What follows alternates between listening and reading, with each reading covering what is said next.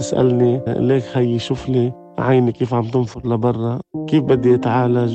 كانت تصارع السرطان وشقيقها الطفل بلا حول ولا قوة يتألم لألمها لكنه وبإصرار طفل عرف هدفه. عندما أكبر لن أقف عاجزا أتفرج. كنت شوف أختي قدام عيوني بتتوجع وبتتألم وبتتموت. كبر واصل سبيتي ولا يزال محاربا طبيبا في جراحة الدماغ والأعصاب. مرضاه من اللاجئين والنازحين وأفقر الفقراء. صرت في طول موت سريري ما فيني تعبان تعبان شلل لا فيني أحرك لا إيدية ولا أجرية. كذلك الأمر أهلي عيشتهم كمان صعبة وفوق همهم هم تاني. هذه حكاية طبيب ومرضاه. ومنير مطر أحد هؤلاء المرضى. سنزور خيمة عائلته في لبنان حيث يجتمع اللجوء والفقر والإعاقة. حالة كتير صعبة ومزرية. عندهم ولد مشلول من بعد إصابة حرب وما قادرين يصرفوا عليه. في هذه الحلقة قصص من لبنان وسوريا. عائلات هربت من الحرب. ولحقها المرض. وطبيب قرر ألا يقف متفرجا. ولهذا الطبيب قصة. هذا بودكاست فصول. مروى أشير أعدت الحلقة وأنا أحمد خير الدين. نروي معا فصول الحكاية.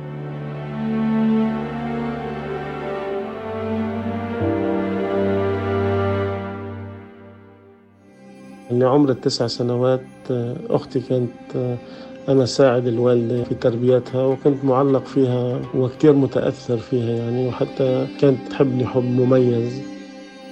قبل أكثر من أربعين سنة في ريف النبطية حيث الحرب الأهلية تخفت حينا وتشتد أحيانا. نشأ واصل طفلا في عائلة كبيرة أحد عشر شخصا في البيت لكن شقيقته رولا كانت الأقرب إليه.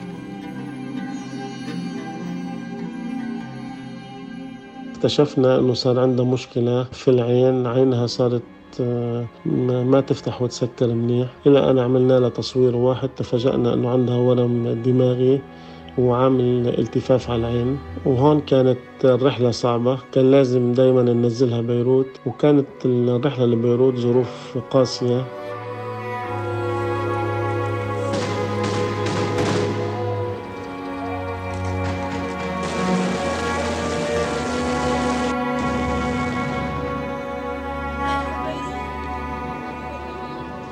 كان لبنان يعيش حربا أهلية طاحنة. خلفت 150 ألف قتيل وثلاثمائة ألف جريح. وتهجر مليون لبناني. لكن للحرب ضحايا آخرون لا تذكرهم الأخبار ولا تشملهم الأرقام. تخيل أن تمرض في مدينة تحت القصف. أو أن تكون فقيرا بلا ماء ولا خبز ولا كهرباء. تخيل أن تذهب إلى طبيب بأختك المصابة بالسرطان ويسألك اولا عن فاتورة العلاج كانت دائما يعني تشوف الطبيب تنطري شهر بعد خمس دقائق وكان حتى الأسلوب مش كويس كان بالتعامل يعني وكان في الاهتمام مادي أكثر ما كان الاهتمام إنساني يعني وماذا يفعل فتى في الخامسة عشرة؟ وكيف تكون ردة فعله؟ من وقتها بلشت أفكر بطريقة إني لازم أنا أكون طبيب يعني وساعد الناس يعني مشان يلاقوا مين يساعدهم لأنني مريت في هذه وخصوصا في هذه المشكلة بالذات يعني. وبعد الثانوية لا طريق إلى كلية الطب إلا لأصحاب النفوذ يقول واصل. والبديل إدارة الأعمال والعلوم السياسية. بديل مؤقت على كل حال. لم يوقف واصل بحثه عن فرصة لدراسة الطب. هذه المرة خارج لبنان. وتعرفت على شخص قال لي تحب تسافر روسيا منحة كان وقتها في منح لعوائل الشهداء. وإذا ما عندهم حدا كبير بالعمر ممكن تشتري المقعد. والحمد لله رب العالمين اشتريت مقعد. وسافرت إلى الاتحاد السوفيتي سابقا كان ما كان في روسيا لدراسة الطب بمنحة دراسية. قبل أن يسافر واصل إلى روسيا تتعقد حالة شقيقته رولا. كانت سنوات قد مرت وهي تخضع للعلاج. لكن هذه المرة عملية جراحية عاجلة الهدف؟ استئصال ورم من الدماغ. كانت عملية صعبة.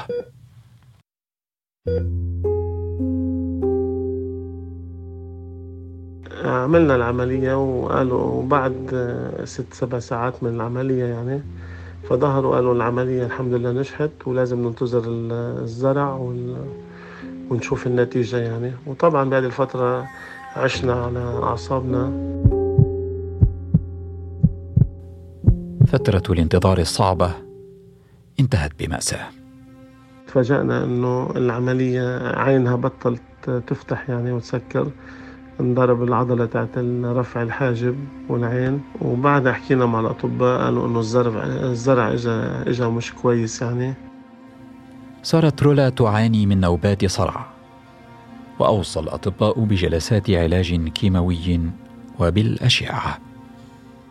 وطبعا نحن امتنعنا عن العلاج الكيميائي لأنه حسب ما عملنا دراسات كثير وبعثنا الزرع إلى الخارج وهول قالوا ما في لزوم لأنه هذا بيأذي الخلايا اللي جنب الخلايا المريضة يعني الخلايا الحميدة. وبهذه الفترة كنت طبعا دائما معنويا معها وما تخافي وإن شاء الله حنلاقي لك فرصة ونسافرك برات لبنان. وكان حافز كمان إلي مشان سافر أكتر وأبحث على فرصة إلها مشان العلاج ومشان الدراسة كمان بنفس الوقت.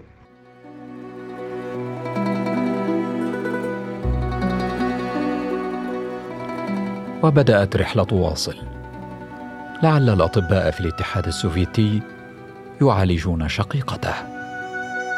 قالوا لي إنه في مينسك في بيلاروسيا في طبيب academic كبير بالعمليات المخ وجراحة الأعصاب وسافرت إلى مينسك وبفضل رب العالمين صرت في الطب يعني بكلية الطب وكنت الحمد لله من المتفوقين. وبهذه الفترة تعرفت على الطبيب القوي اللي هو أليشكيفيش عائلته الله يرحمه توفى الآن. وكان من عشر الجراحين في العالم الأقوياء بعلاج الدماغ والأعصاب وأشرف على الملف وعلى العلاج. خضعت رولا لعملية جراحية ثانية.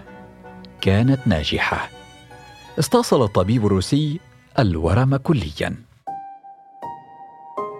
والورم كان حميد مش مثل ما قالوا هني هون بلبنان كانوا قايلين إنه مرض خبيث ولكن ليخبوا هون عيوبهم وإنه ما قدروا يستأصلوا. عادت رولا إلى لبنان في صحة جيدة. أما واصل وبعد أن أنهى مرحلة الطب العام بدأ مشواره في عالم الجراحة وطب الأعصاب. كل هذا ولبنان ينزف. كانت الحرب الأهلية طويلة. استمرت خمسة عشر عاماً.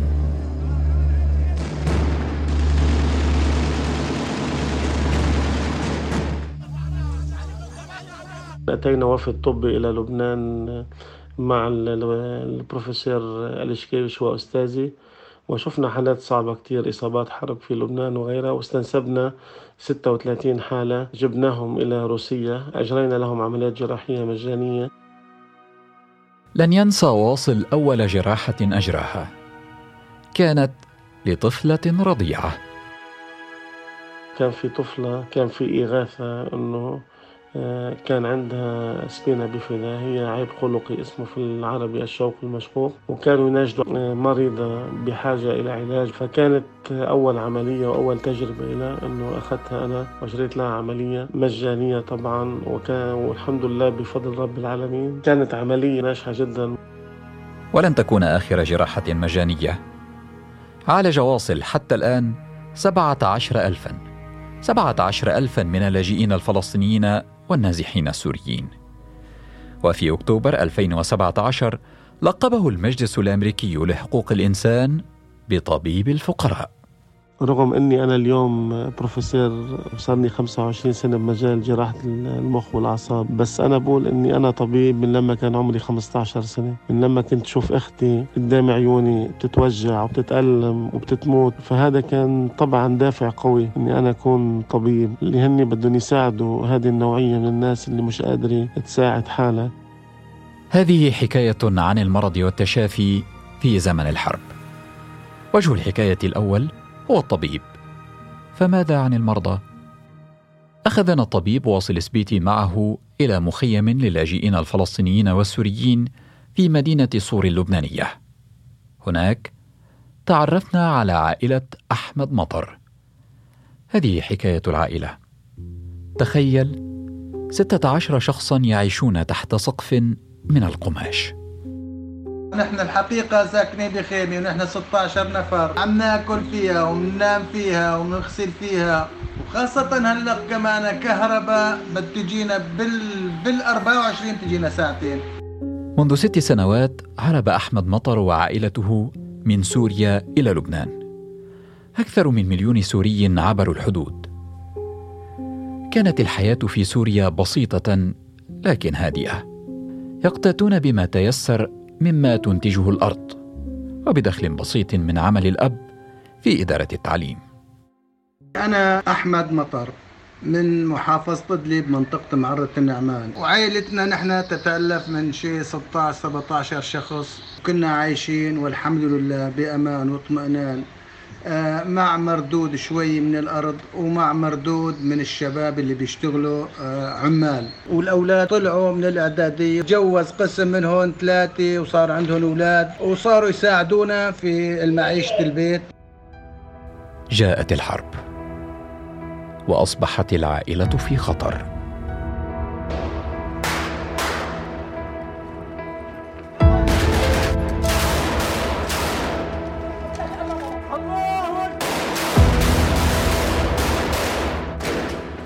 لما زادت المعارك وزادوا المسلحين منطقتنا صار فيها مسلحين. فعلا صاروا يضغطوا علينا إنه لازم نكون معهم ونحن ما بدنا نكون مع طرف ولا آخر. عشنا سنتين ثلاثة يعني في حالة ضيق وحالة فقر وحالة حاجة. أحيانا توصلنا القذائف من هون ولا من هون فكنا نختبئ في البيوت حاولنا النزوح وكل المنطقة تقريبا مو بس نحن يعني كل المنطقة نزحت. لثلاث سنوات عاشت عائلة مطر الجوع والخوف لكن أحد الأبناء تعرض لإصابة خطيرة. لا مجال للبقاء في سوريا. يقرر الأب النزوح. طلعنا ببالغ الحزن والأسف على بيتنا على دارنا على رزقنا. فما لنا إلا حملنا ابننا هذا المريض اللي كان مقعد شلل رباعي بعد ما عجزنا على عند عن علاجه بسوريا وما لقينا له علاج وبركنا في لبنان بعد شهر اثنين ثلاثة قال ما في علاج. نزحت عائلة مطر إلى مدينة صور قرب مخيم للاجئين الفلسطينيين نصبوا خيمتهم. لكن أزمة لبنان تشتد. أنا بالنسبة لي معي عملية قلب مفتوح ومعي الضغط والسكر. عم بروح على المستوصفات لجيب أدوية بالغصب. أحيانا بيعطونا أحيانا ما بيعطونا. بنضطر نروح نشتريها من الصيدليات وبأسعار غالية. وعندي كمان المدام مواليد 1960 كمان معها الضغط والقلب. يرابط أحمد مطر أمام المستشفيات. عله يجد الدواء ويخرج أولاده منذ الصباح الباكر. يجوبون شوارع صور بحثا عن لقمة العيش. بيروحوا بيبركوا في ساحة بالباص. إيش من صارت لهم شغلة؟ عمار شغلة يعني عمال عمار عمال الياسي عمال كذا. فما بيرجعوا على البيت. إذا ما صار لهم شغلة يعني ما بيحبوا يرجعوا على البيت. لأنه إذا بدهم يرجعوا إيدهم فاضي ما جايبين شيء على البيت معناها بركنا هذاك النهار بدون طعام. يخرج الأبناء لالتقاط رزقهم. إلا منير. الابن المصاب يبقى معه شقيق يرعاه. عندنا هذا الشاب المواليد 1991 اللي إصابته شلل رباعي آه عنده أخ أكبر منه بسنتين بارك مقابيله لحتى يجلسوا ليعطيه العلاج لحتى يطعميه بإيده. كل شهر بده قسطرة وبده علاجات التهابات بولية وبده علاجات أعصاب وإلى آخره. أحيانا بنتدين من الناس لنكمل الشهر أحيانا الله سبحانه وتعالى بيعطينا لحتى نكمل. طلبنا التحدث مع منير. تردد في البداية لكنه عاد وتحدث باستفاضة عن حالته. كنت عايش حياة طبيعية مثلي مثل أي طفل عنده أحلام وأمنيات كنت روح على المدرسة أرجع البيت مع أصدقائي وأشتغل ساعد أهلي بالأرض. كان عندي أمنيات أحلم إني أكبر شيل هم أهلي شيل هم البيت المصروف. لحتى ما صارت معي الإصابة صار معي شلل رباعي لحتى صرت فيك تقولي موت سريري ما فيني تعبان تعبان شلل لا فيني أحرك لا إيدية ولا أجرية. وحتى ارتبط أخي بحياتي لحتى يحسن إذا بدي نام يقلبني على يميني على يساري يقعدني يغسل لي وجهي يساعدني بأموري. وكذلك الأمر أهلي عيشتهم كمان صعبة وفوق همهم هم تاني. دمرت الحرب أحلام منير الشخصية لكنه تحدث أكثر عن عائلته. لا يريد منير أن يكون عبئا. بتمنى لو كنت حالتي أخف من هيك أخدم حالي آه، ما أكون بعازة حدا تاني.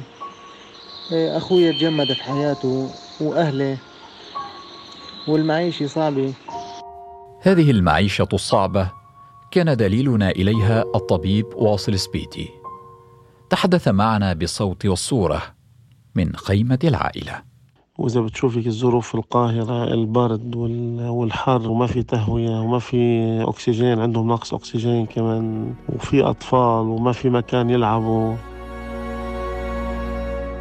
في مقطع الفيديو الذي أرسله الطبيب يجلس أحمد مطر رب العائلة مع أحد أحفاده. طفل اسمه خالد. يصر الطفل على الحديث مع زميلتي مروة. كيفك يا أنسي مروة؟ أنا عندي حلمين. حلم تقومي لعم منير في خير وسلامة على جريه. وحلم ارجع مثل الطلاب الباقيين على المدرسة بيلبس المريول المدرسي الأولاد ما في لهم مدارس ولذلك أولادنا باكي من غير تعليم. الرعاية الصحية والتعليم والسكن المناسب أهم ما ينقص النازحين السوريين في لبنان. تناولنا الرعاية الصحية لكن خبراء يربطون ملفات السكن والتعليم والصحة والأمن. عائلة أحمد مطر وعائلات سورية أخرى كثيرة هربت من الحرب إلى لبنان بحثا عن الأمان. وجدت نفسها تعايش واقعا مرا يعيشه أبناء هذا البلد المنهك.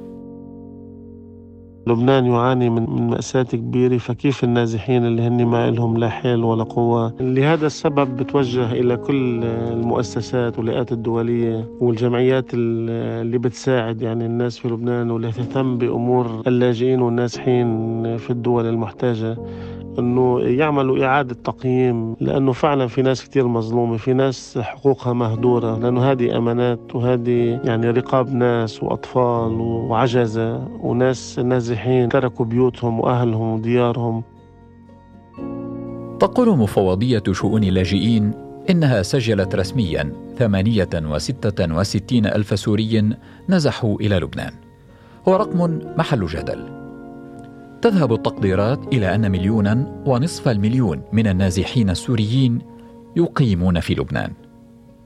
لبنان بلد صغير وفقير. لجنة الأمم المتحدة الاقتصادية والاجتماعية إسكوا تقدر نسبة الفقر في لبنان في المئة. من بينهم سبعمائة وعشرون ألف لاجئ سوري تحت خط الفقر.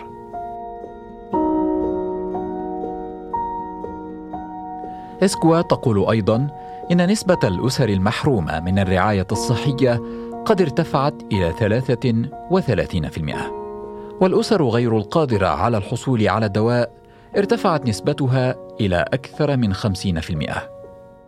واقع صعب. صعب أن تكون مريضا وفقيرا في زمن الحرب. لكن الطبيب واصل سبيتي اختار منذ حرب سابقة ومنذ مرض قديم المواجهة. منذ معركته الأولى انتصر. وبعد أربعين عاما من الإصابة بالسرطان شقيقته رولا ما زالت على قيد الحياة. أما منير فيحلم في الخيمة بحياته بعد نهاية حرب أخرى. بودكاست فصول. نروي معا فصول الحكاية. اشترك في الحرة بودكاست على أبل بودكاست وجوجل بودكاست. وتابعنا على سبوتيفاي يوتيوب وساوند كلاود. كما يمكنك الاستماع إلينا على راديو سوا.